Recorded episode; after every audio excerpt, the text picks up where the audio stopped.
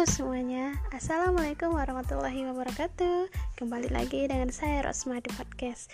Ini untuk pertama kalinya saya menggunakan podcast Dan untuk pertama kalinya juga saya membawakan berita di podcast. Mudah-mudahan teman-teman semua menyukai podcast saya ya. Polisi menangkap J atas dugaan pembunuhan kakak kandungnya sendiri berinisial D di sebuah rumah kontrakan di daerah Sawangan, Depok. Polisi mengungkap motif pelaku membunuh karena merasa kesal sering dimarahi korban. Akibat perbuatannya, pelaku terancam hukuman mati.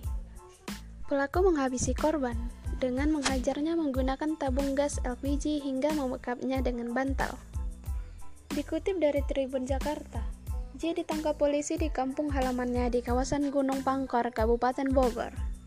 Penangkapan itu tidak sampai 24 jam selang penemuan jasad kakaknya yang ia kubur di rumah kontrakan mereka. Saat ini, polisi mengaku masih mengejar pelaku lainnya yang ikut membunuh korban. Adapun Kombes Ajis Adriansah berujar, C dijerat pasal berlapis yaitu pasal 338 KUHP tentang pembunuhan dan 340 KUHP tentang pembunuhan berencana. Kasus ini sendiri bermula dari kecurigaan pemilik kontrakan terhadap satu ubin di lokasi tersebut berwarna beda.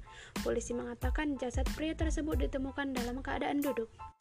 Itulah sekilas berita yang saya bawakan hari ini. Mudah-mudahan teman-teman di mana pun berada menyukai podcast saya. Terima kasih. Assalamualaikum warahmatullahi wabarakatuh.